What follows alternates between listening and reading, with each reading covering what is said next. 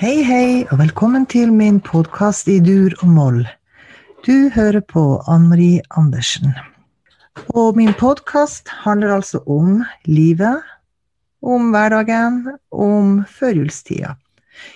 I dag har jeg fått besøk, og i dag har jeg fått besøk av to flotte herremenn. Og jeg tror de skal få lov å presentere seg sjøl. Men før det så skal vi tenne det tredje lys. Nå tenner vi det tredje lys, det er et hellig tall. Vi venter på at kongen vår skal fødes i en stall. I dag har jeg fått eh, besøk av to herremenn. De skal få lov å presentere seg sjøl, eh, hvem de er. Ja, jeg heter Daniel Lund. Eh, 46 år. Jobber som pastor her i Pinsekirka Philadelphia her i Alta. Gift og har to barn som begynner å bli voksen, dem òg. Mitt navn er Øyvind Oksavik. Opprinnelig sunnmøring, men har bodd i, i Alta en 15-20 år. Og eh, jeg er ja, i 60-åra. Fyller 64 år kommende lørdag, faktisk. Jeg er far til eh, to gutter som har stifta familie og bor dessverre langt vekk i Kristiansand. Men eh, den eldste med sin familie håper vi skal komme. og Det betyr at vi håper å feire jul i, i Kåfjord i Alta med en ettåring også der. I mitt daglige arbeid så eh, er jeg konstituert prost, som det heter, i Alta prosti, som dekker mm, Alta kommune og noen nabokommuner. Og eh, jeg er min prestetjeneste hovedsakelig innenfor Alta kommune sine grenser. Slik er det. Ja, så dere er, dere er to ledere fra to eh, kristne menigheter. Mm. Mm prest for menighet, Alta menighet og Pinsekirka Philadelphia. Og Da blir jeg jo veldig nysgjerrig. Hva, hvordan er tida deres nå? Det er advent, det er snart jul. Vi tenner lys, og vi har masse forventninger. Og vi eh, Ja, vi gleder oss. Eller gjør vi det? Det er kanskje både og. Eh, veldig mange gleder seg. Og ja, gudstjenestene, møtene våre, er jo prega av at det er advent. Og ved ventetid det er mye stemning, og det er barnehagebesøk, og det er blomsterutdeling, juleblomster til pensjonister. Og så mye handler om jul. Men der er jo en del som er ensom, og kanskje kjenne ekstra på det i jula. Merker når jeg er ute og deler ut blomster til pensjonistene, at der er det noen som også gruer seg faktisk til eh, jula. Hvor ensomheten blir tydeligere enn den kanskje ellers. Ja, og i tillegg så har vi denne koronatida ja, også. Ikke minst. Ja, vi sitter jo nå i eh, underetasjen av hovedkirka vår, Nordlyskatedralen. og um, Arbeidsmiljøet her er jo sterkt prega av at mange har heimekontor. Eh, jeg hadde jo sågar eh, kommunikasjon med vår biskop Olav Øygard, som også har heimekontor i Tromsø.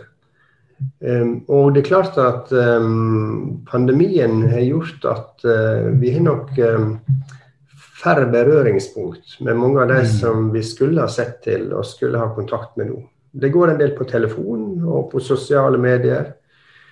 Og jeg tenker jo også at eh, i forhold til det mm, store antall eh, gudstjenester vi har nå uh, mot jul, og særlig på julaften, så, så, opplever vi jo at vi der i sannhet får være folkekirke i en normal situasjon med stor tilstrøyming. I år er det begrensa til 50 per gudstjeneste, og selv om vi øker antall gudstjenester så øh, frykter jeg litt at mange av de som øh, burde øh, vært der, kanskje da vegrer seg. Kjenner på at en er i risikogruppe og lar plassen gå til, til andre. Det er uvant å måtte melde seg på, det merker jeg også. Vi gjør også påmelding. og mm. det er nok noen, noen, som vegrer seg for å melde seg på, og så er de redd for å ta plassen opp for andre. Og det er jo gjerne kanskje dem som er mest ensomme. Og så er det, det er nok dem som frykter i denne tida, også korona. som ja, de har ikke det. det er en del som ikke har det godt, også pga. koronaen. Går rundt og er redd. Ja, det tror jeg du har rett i, Daniel. Det, jeg har jo sågar kjent på det sjøl. Sist helg så hadde vi en prest som uh, ble syk, og uh, som måtte ta test på mandag. Og de dagene der før den testen var negativ, så levde vi med litt frykt og beven her. Vi er et stort arbeidsfellesskap, vi har mange berøringspunkt. Sjøl hadde jeg tjeneste nedover i Nord-Troms også rundt sist helg, og, og begynner liksom å fabulere om hvem er det vi nå kan ha smitta, hvis nå det skulle være tilfelle at han er smitta. Og Samtidig så vet vi at um, mange av de som uh, virkelig kjenner på frykt for smitte, det er jo de som uh, kanskje har ei ja, nedsatt allmenntilstand, og som kanskje ikke kommer seg ut, men, uh, men sitter der hjemme. Så eh, vi håper på en måte at eh, vi på ulike måter kan, kan nå fram eh, likevel mm. med budskapet. Ja da, og det, det, er jo det å kunne formidle eh, Det at man til dem som er redd, og da kunne formidle det budskapet vi har om å ikke frykte, er jo kanskje viktigere enn noen gang. Mm. Eh, det for, og det å ta folk på alvor også som er, er redd. Ikke blåse av det og ikke Men eh, ta dem på alvor og, og møte dem der eh, tror jeg er kjempeviktig i denne tida. Um, jobben deres er jo veldig kompleks på, på, alle måter med å være leder for ganske mange mennesker. Eller også en hyrde og en veileder og en mm. trøster.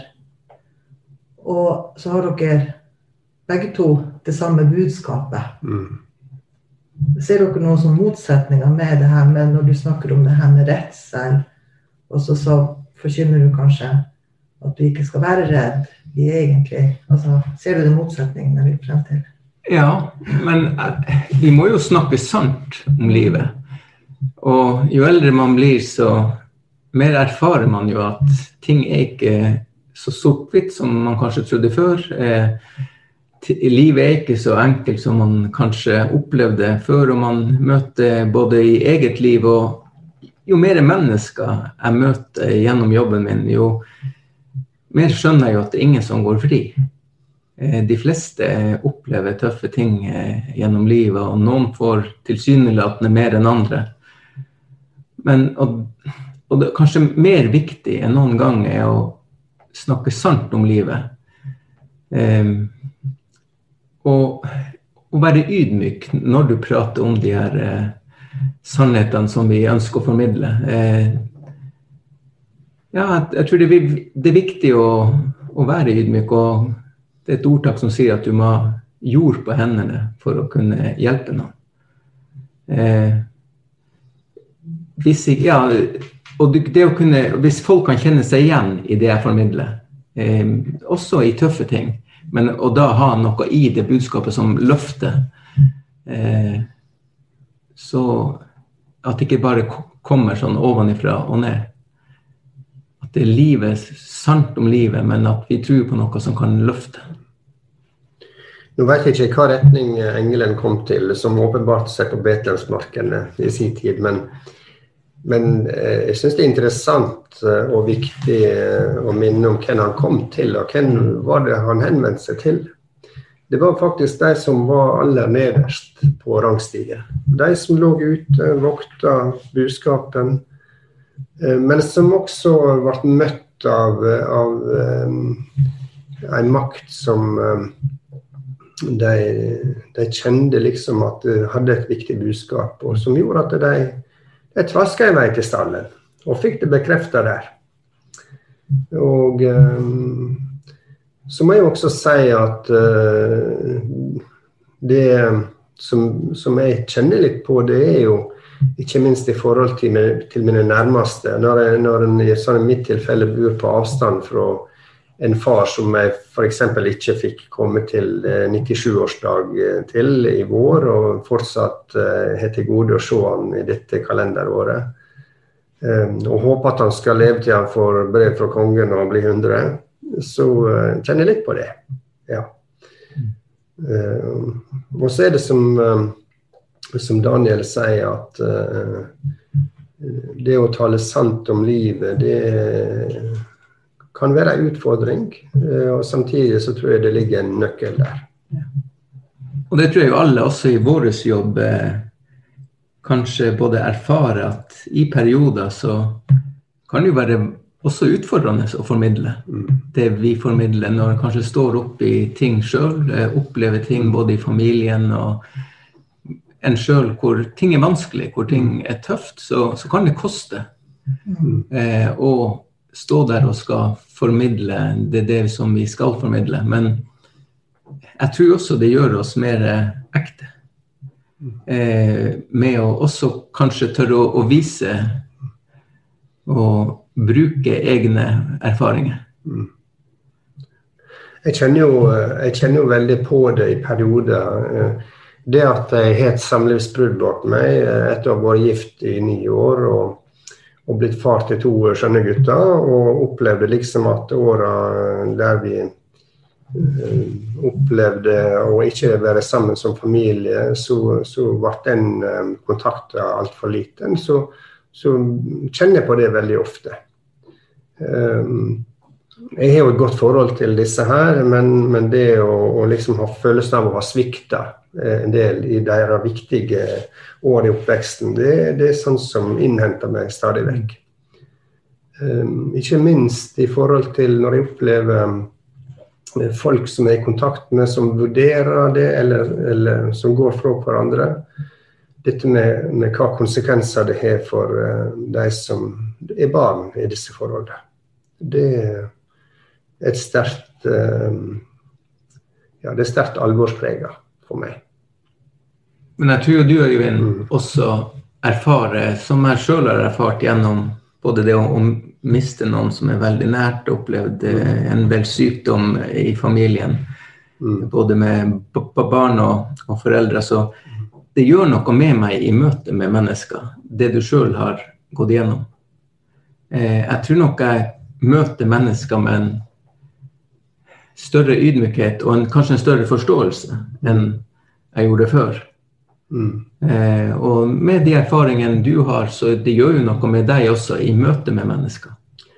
Ja, det, det, det vil jeg absolutt si. Og, og jeg kjenner jo også på det, de tingene som du Daniel og jeg har samarbeidet om i våre menigheter, bl.a. disse prosjektene vi har hatt uh, i lag med Kirkelig ressurssenter mot vold mm. og overgrep. Um, det har vært viktige um, plattformer, på en måte.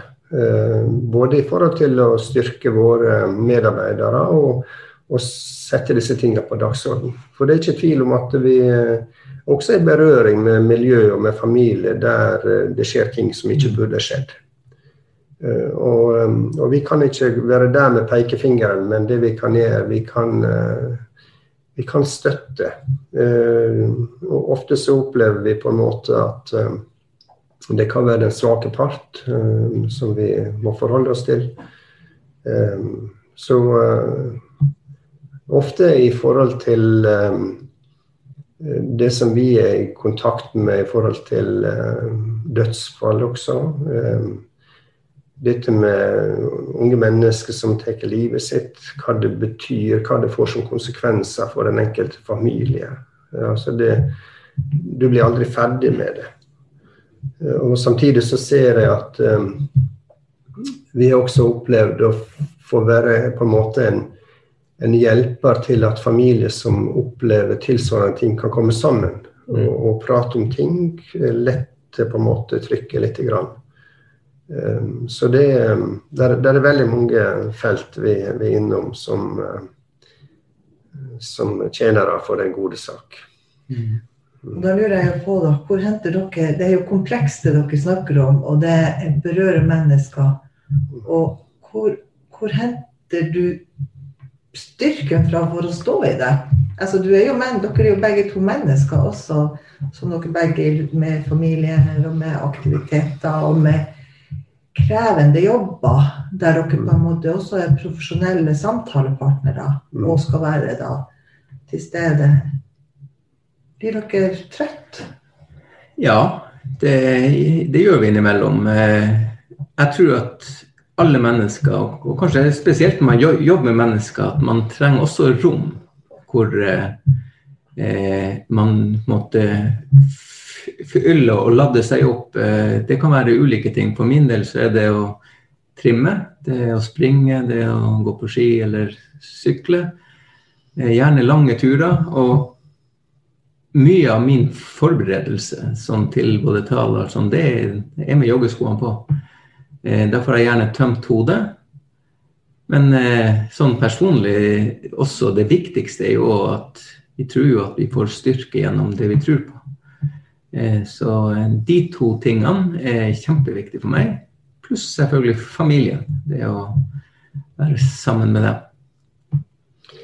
Jeg husker for et år eller to siden så var jeg medarbeidersamtale med min overordna. Og og de slo meg på brystet og sa at jeg har ikke vært en eneste dag borte fra jobb siden jeg begynte den jobben her.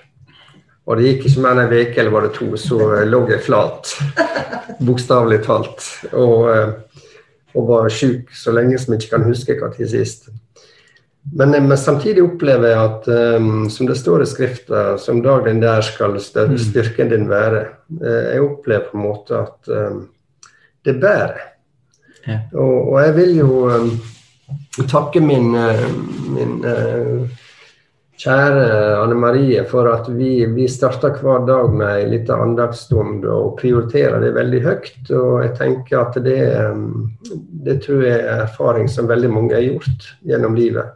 At det å, å ha en rytme på den mm. delen av livet er viktig. Uh, og så er det klart at um, det er slett ikke alle dager som er like.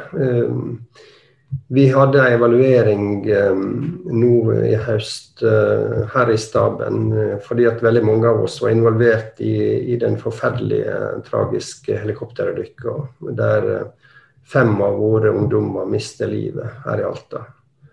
Og, um, og da kom det i den evalueringa veldig veldig brått over meg at det ble en arena der følelser fikk utløp. Altså, jeg har aldri grått sammen med mine kolleger før.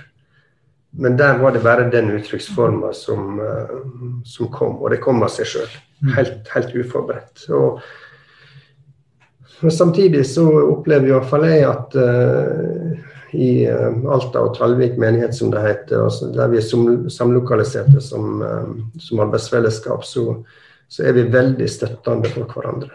Uh, slik at uh, vi uh, i den grad det skulle være ting en ser ulikt på, eller, eller små konflikter, så tror jeg vi evner å gripe det ved rota og, og tidlig.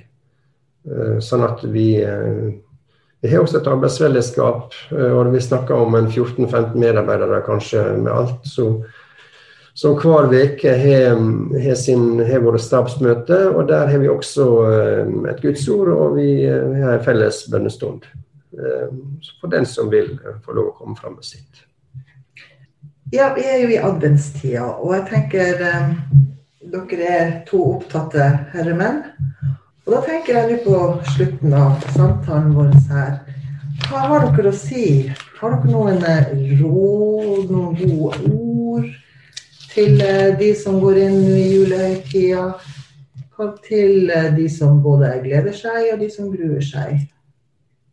Han Øyvind nevnte hyrdene i sted på Betlehemsmarka Og jeg tenkte at de hyrdene, de var nok ikke dem som var penest kledd. De lukta, og det var ikke dem som oftest menga seg med folk. Og jeg tror de kanskje var litt folkesky. De, de likte å holde seg for seg sjøl. Men når de fikk beskjed om å gå, så var det til en plass hvor de var hjemme. Det var i en stall. De kunne komme som de var. De kunne komme luktende skitten på sin hjemmebane. og finne denne eh, Jesusbarnet som var. Og mitt ønske og mitt ord for uh, lytterne, det er at det er ikke hvem du er, eller hvordan du er. Du, vi, du kan komme akkurat som du er, uten uh, Og på samme måte som Engel sa at du skal finne ham der, så tror jeg han er der for oss alle, så vi kan finne ham. Eh, det er lov å prøve. Ja, jeg jeg opplever på en måte at de, de største øyeblikk for meg, og de viktigste gudstjenestene, det er f.eks. når jeg kan få besøk på kontoret av en, en mann i begynnelsen av 80-åra som er sendt dit av sin kone, nærmest, fordi at de har, de har, noe på hjemmebane de ikke kommer rette med, og så, og så kan han bli sendt til presten for å, å få hjelp. Det, det, er liksom, det er stort for meg. Og da, kjenner jeg på det at um, vi fra skaperens side er utrusta med én munn, men med to ører. Altså mm. vår tjeneste opplever jeg går veldig mye ut på å lytte. Uh, I ulike sammenhenger så, så kommer det til, tilbake og tilbake til meg det at uh, det er der vi her bør ha vårt fokus. Og så tenker jeg at um, Paulus som skriver til eh, menigheten i Filippi, han, han bruker disse ordene om Jesus. Han var i Guds skikkelse, så det ikke som et råd å være Gud lik, men ga avkall på sitt eget. Tok på seg en tjenerskikkelse, ble menneskelik. Og skulle ønske at uh, jeg kunne framstå med et, et tjenerskinn i møte med mine omgivelser. Mm. Så god jul til dere som lytter på. God jul. Jeg vil bare da til slutt takke for eh, gjestene mine, at de tok seg tid å komme hit til podkasten min. Jeg syns det var kjempespennende å snakke med dem og eh, høre tanker og ja, refleksjoner rundt det, rundt det her med å være menneske. Og um, jeg er jo sjøl sosialarbeider og er veldig opptatt av det her med hvordan man kommuniserer og være i relasjon med andre. Jeg syns det er spennende. Det er spennende å se på hvordan man møter, møtes, og hvor lik og ulik man kan være. Den julesangen jeg har valgt i dag, det er Glade jul, hellige jul. Og den er fra juleplata mi, den samiske juleplata som heter Boriola, som betyr god jul. Så høres vi da neste torsdag. Ha en fin, fin tredje søndag i advent.